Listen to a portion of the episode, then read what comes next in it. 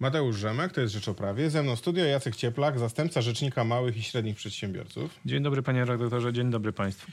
Y, Dzisiejszej Rzeczpospolitej piszemy o tym, że obowiązująca od półtora roku konstytucja dla biznesu, tak zwane prawo y, przedsiębiorców, nie działa. Zapisane w nich y, zasady, na przykład do, dotyczące rozstrzygania wątpliwości w prawie y, na korzyść przedsiębiorców, no, są stosowane niezwykle rzadko. W tych setkach tysięcy postępowań podatkowych, na przykład, no to te, te przypadki można e, policzyć na palcach jednej ręki. No i wychodzi na to, że to nowe, nowe przepisy, które miały być nowym otwarciem dla, dla biznesu, takim właśnie, że no nie będzie gnębiony, że będzie inne podejście. No, no, no tak się pojawia się pytanie, czy nie jest, że te przepisy nie są napełnione frazesami, które w praktyce nie są stosowane. I chciałem się dowiedzieć, jak to wygląda z perspektywy Urzędu e, Rzecznika Małych i Średnich Przedsiębiorców, który jakby no sta, staje na co dzień w obronie przedsiębiorców w, kon- będących w konflikcie z urzędnikami. No i Państwo to widzicie chyba najlepiej. To prawda, natomiast no, nie mogę się zgodzić z samą tezą, czyli e, taką, że konstytucja dla biznesu nie działa, ponieważ w naszym mniemaniu ona działa, natomiast nie jest jeszcze jakby w pełni stosowana, ale to też wynika z kilku kwestii. Pierwszą kwestią jest to, żeby przepisy w ogóle same w sobie działały, to muszą być egzekwowane i stosowane przede wszystkim z samej góry, czyli przez sądy. Natomiast jeżeli mamy te przepisy wprowadzone półtora roku temu, to bardzo wiele postępowań, o których mówiliśmy, które są prowadzone dziesiątki tysięcy pewnie w całej Polsce, są jeszcze sprzed wejścia tych przepisów. Dlatego też pierwsze półtora roku, aby one zostały zastosowane w sądzie, no po prostu wymaga czasu. Więc y, już jest kilka przypadków, gdzie sądy administracyjne powoływały się na zasady obowiązujące w konstytucji biznesu. Natomiast faktem jest, że jest to jeszcze niewiele przypadków. Natomiast wydaje nam się, że przez pierwszy czas naszej kadencji, czyli te pierwsze sześć lat, y, na pewno ta konstytucja będzie obowiązywała w całym kraju i wszyscy urzędnicy będą świadomi jej zasad i przepisów. No dobrze, no ale właśnie pytanie o tą, o tą y, świadomość, no bo rozumiem, że urzędnicy powinni być świadomi y, tych przepisów już od pierwszego dnia ich obowiązywania. To, czy nie powinni ich wdrożyć do toczących się postępowań, moim zdaniem też jest dyskusyjne, no bo to zmiana na korzyść biznesu powinna być zastosowana przez nich, no bo przecież o to w tym wszystkim chodziło. Taki też wysyłał sygnał e, e, premier Morawiecki, który mówił właśnie, że ma być inaczej, ma być lepiej, ma być po nowemu, a okazuje się, że, że nie jest, bo tutaj stare przepisy, że jeszcze tutaj jakiś okres przejściowy i, i, i czy ci urzędnicy znają te przepisy, czy, czy ich nie znają, czy ich stosują, czy wiedzą, jak je stosować. No, w przypadku przedsiębiorców jest tak, że jak się przepis zmienia, oni od pierwszego dnia są w pełni rozliczani z jego stosowania i tutaj nieznajomość prawa szkodzi. No, w przypadku urzędników jakoś widać mają taką długą rozbiegówkę, no i zawsze jest jakieś wytłumaczenie, że, że tych przepisów nie, nie muszą stosować, prawda, że to dopiero w przyszłości. No a pytanie, kiedy ta przyszłość nastąpi? Czy w moim mniemaniu to wygląda w ten sposób. Y, Urzędnicy, przede wszystkim ci, z którymi najwięcej problemów mają przedsiębiorcy, czyli urzędnicy skarbowi i no nie tylko ZUS-owscy również, są nastawieni profiskalnie, co jest oczywiste z ich punktu widzenia. My chcemy wprowadzać ten model, który będzie jednak w, co najmniej w połowie profiskalny, a w połowie proprzedsiębiorczy. Więc zmiana właśnie ten, tej mentalności urzędniczej na to, żeby podchodzili do przedsiębiorców jak do partnerów, wydaje mi się, że jest w interesie każdego z nas. I o tym mówił rząd, o tym mówimy my i, o, i chyba to zaczynają rozumieć przedsięb- przedsiębiorcy i urzędnicy. Natomiast tak jak mówię, nie dawałbym sobie po roku czasu twierdzić, że jakieś przepisy działają lub nie działają, ponieważ tych przepisów wprowadzanych jest multum, tak jak pan redaktor zauważył. No i ani żaden urzędnik, ani żaden przedsiębiorca nie jest znać, w stanie znać wszystkich przepisów, które od razu weszły w życie. Natomiast ta ustawa faktycznie wydaje mi się, że jest dosyć dobrze nagłaśniana. Natomiast zmiana mentalności może spowodować zmianę jakby podchodzenia do tych przepisów, bo tam są zapisane banalne zasady tak naprawdę. No, na przykład y, jakby wszystkie te siedem głównych zasad, które są zapisane, one w żaden sposób nie są niczym nadzwyczajnym. Po prostu stosowanie ich powinno być naturalne. Natomiast dopóki nie zmienimy tego profiskalnego podejścia w 100% urzędnika, no to nie zmienimy też możliwości wprowadzania e, przepisów w życie, które są proprzedsiębiorcze.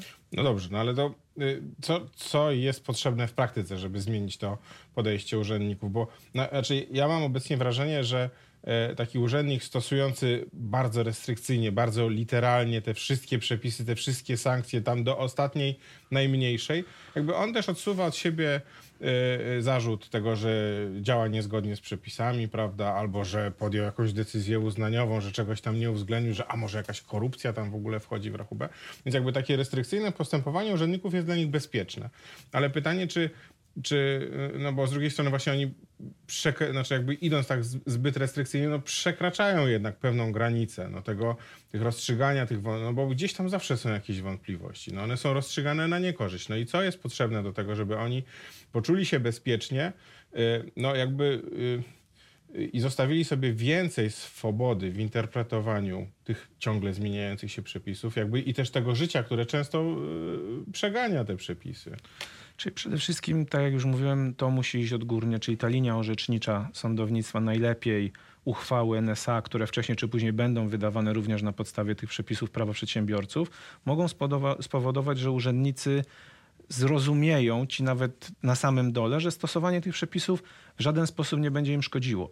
Natomiast my tak naprawdę musimy dbać o coś innego, o to, żeby przepisy prawa nie były przez urzędników stosowane instrumentalnie, czyli żeby nie dochodziło do takich sytuacji, gdzie oni nadużywają tych przepisów na niekorzyść przedsiębiorców. Wielokrotnie o tym mówiliśmy, Państwo wielokrotnie o tym pisali, jeżeli chodzi na przykład o jakby przeciąganie tych postępowań podatkowych, stawiając zarzuty karne, karno-skarbowe. I to są właśnie takie przypadki, których, no, na których zgody nie będzie. No i rzecznik walczy przecież z takimi przypadkami. Oczywiście. No i jak to idzie? Czy, czy tam widać jakieś światełko w tunelu? Czy jest szansa na to, żeby na przykład zmienić tą niekorzystną praktykę? Ten, to, to zjawisko tego hodowania odsetek po prostu latami, a później, które później przekraczają tą należność tego przedsiębiorcy. To znaczy, jak najbardziej e, składamy wnioski przede wszystkim e, o, o wszczęcie postępowań dyscyplinarnych w tych przypadkach, w których to jest po prostu jaskrawe nadużywanie prawa. Po drugie, e, będziemy składać, jak już mówiliśmy o tym, jeżeli to będzie przekroczenie uprawnień też e, karne, to będziemy składać zawiadomienie o popełnieniu przestępstwa. Dlatego też jakby no, musi być jasne, że jeżeli będą takie przypadki, które my wyłapiemy, będziemy z nimi walczyć. Jak to idzie? No, tak jak mówię, to wszystkie te postępowania nie są krótkie, więc jeżeli składaliśmy te wnioski kilka miesięcy temu, to cały czas czekamy na ich rozstrzygnięcie. Oczywiście też nie ma co ukrywać, że większość z tych wniosków, jeżeli chodzi o te postępowania dyscyplinarne, z naszej wiedzy na tą chwilę nie zostały rozpatrzone e, na niekorzyść urzędnika. Dlatego też, tak jak mówiłem, e, będziemy prawdopodobnie stosować te środki twardsze. No nie dziwię się, że przełożony urzędnika wydającego y, niekorzystną, czy też taką daleko idącą decyzję go broni i nie rozpatruje y, takiego y, wniosku o zdyscyplinowanie go właśnie w taki negatywny sposób. No ale czy, czy to, nie wiem, czy Rada Ministrów powinna jakiś przyjąć okulnik, czy pan premier powinien zacząć jeździć po izbach skarbowych w całym kraju i po prostu tym urzędnikom tłumaczyć, żeby jednak trochę odpuścili, żeby jednak no, zobaczyli w przedsiębiorcach partnera, a nie, nie wiem, czy ofiarę jakąś, na którą się poluje, albo jakąś taką owcę, którą się goli, aż się jej po prostu tak nie, nie ogoli do, do, do żywej skóry. Czyli ja chciałem powiedzieć tylko jakby z naszych doświadczeń, a one wyglądają w ten sposób, że tak naprawdę rząd wpłynął i to wydaje nam się, że pozytywnie na tą górę administracji finansowej, skarbowej czy ZUS-owskiej, ponieważ my z tymi ludźmi rozmawiamy, rozmawiamy z zarządami, rozmawiamy z ministrami i oni bardzo dobrze rozumieją to, że tylko partnerstwo przedsiębiorcy z ich urzędami spowoduje możliwość zmiany mentalności. Natomiast to są dziesiątki tysięcy urzędników poniżej, do których nie jest właśnie wcale tak prosto dotrzeć też w tak krótkim czasie. To nie jest też tak, że ministerstwo może, znaczy oczywiście ono może wydawać pewne rekomendacje, ale nie może wpływać yy, jednostronnie na dane decyzje urzędników. Więc No tak, bo to urzędnik jest najbliżej, on widzi, Tak. czy to jest rzeczywisty problem, czy może jednak ma do czynienia no, z oszustem, bo też takie przypadki też nie możemy tego wykluczyć. Natomiast właśnie chodzi o to, żeby przy ocenianiu tych wszystkich przypadków brać pod uwagę prawo przedsiębiorców przede wszystkim i wszystkie te zasady z niej płynące. I nam tylko na tym zależy, żeby naczelnicy czy urzędnicy, którzy pracują sobie w tych urzędach, zawsze z tyłu głowy mieli to, że oprócz jakby tego stosowania ich przepisów, czy ordynacji podatkowej, czy KPA, również brali pod uwagę prawo przedsiębiorców. No to jest dosyć duży problem, bo z tego co pamiętam, to w administracji skarbowej pracuje ponad 40 tysięcy pracowników. W administracji ubezpie- Zakładu Ubezpieczeń Społecznych jest zatrudnione tam też ponad grubo 40 tysięcy osób. No to rozumiem, że do każdego trzeba dotrzeć i zmienić jego sposób myślenia. No, pytanie, czy to można zrobić właśnie po dobroci, czy raczej właśnie y, tą drogą dyscyplinarną, czy też rozumiem prokuratorską, tak? Bo to też wchodzi w rachubę, jeżeli by się okazało, że taki urzędnik no, idzie w Przekroczył zaparte. swoje uprawnienia, Mhm. po prostu. Natomiast myślę, że to trzeba zrobić y, na wiele sposobów. Przede wszystkim jakby właśnie w ten sposób, w którym my działamy, czyli wyłapywać te takie patologiczne sytuacje i starać się je karać, ale oprócz tego nagłaśniać te przepisy, bo to jest potrzeba tak naprawdę współpracy właśnie z mediami, to jest potrzeba współpracy z y, naukowcami. My staramy się to wszystko robić i tylko w ten sposób możemy dotrzeć y, poprzez właśnie konferencje, poprzez wywiady, poprzez rozmowy. No i przede wszystkim jeszcze jedna rzecz jest bardzo ważna, czyli zmiana legislacji, bo my często wyłapujemy te przypadki, gdzie te przepisy właśnie nie chodzą tak jak powinny, ponieważ no są często absurdalnie zapisane. Ja teraz nie będę się odnosił do pojedynczych przykładów, natomiast no mamy gdzieś tam tworzoną taką listę i w momencie, gdyby nam się udało zmienić e, te przepisy, czyli wpłynąć na to, żeby weszła w życie inicjatywa legislacyjna i weszły w życie takie zmiany, myślę też, że dużo prościej by było urzędnikom, ponieważ jeżeli oni mają przepis, z którego no jakby nie do końca jasno wynika, co można zrobić w danej sytuacji, no to tak jak mówię, zawsze będą działać gdzieś profiskalnie, a nie proprzedsiębiorczo. Jeżeli przepis będzie jasny nie będzie można stosować sobie na przykład przedłużenia postępowania podatkowego poprzez stawianie zarzutów karno-skarbowych, po prostu się nie będzie tego robiło. Y, Z czym przedsiębiorcy najczęściej przychodzą do rzecznika? Jakie mają problemy, jeżeli chodzi na przykład, no bo wiem, że jest najwięcej tych problemów podatkowych, ale też i, i, i w ZUS-ie mają niełatwo. Tak, bardzo dużo jest również przypadków związanych z ZUS-em. Ostatnio ten głośny temat i problem kobiety na działalności.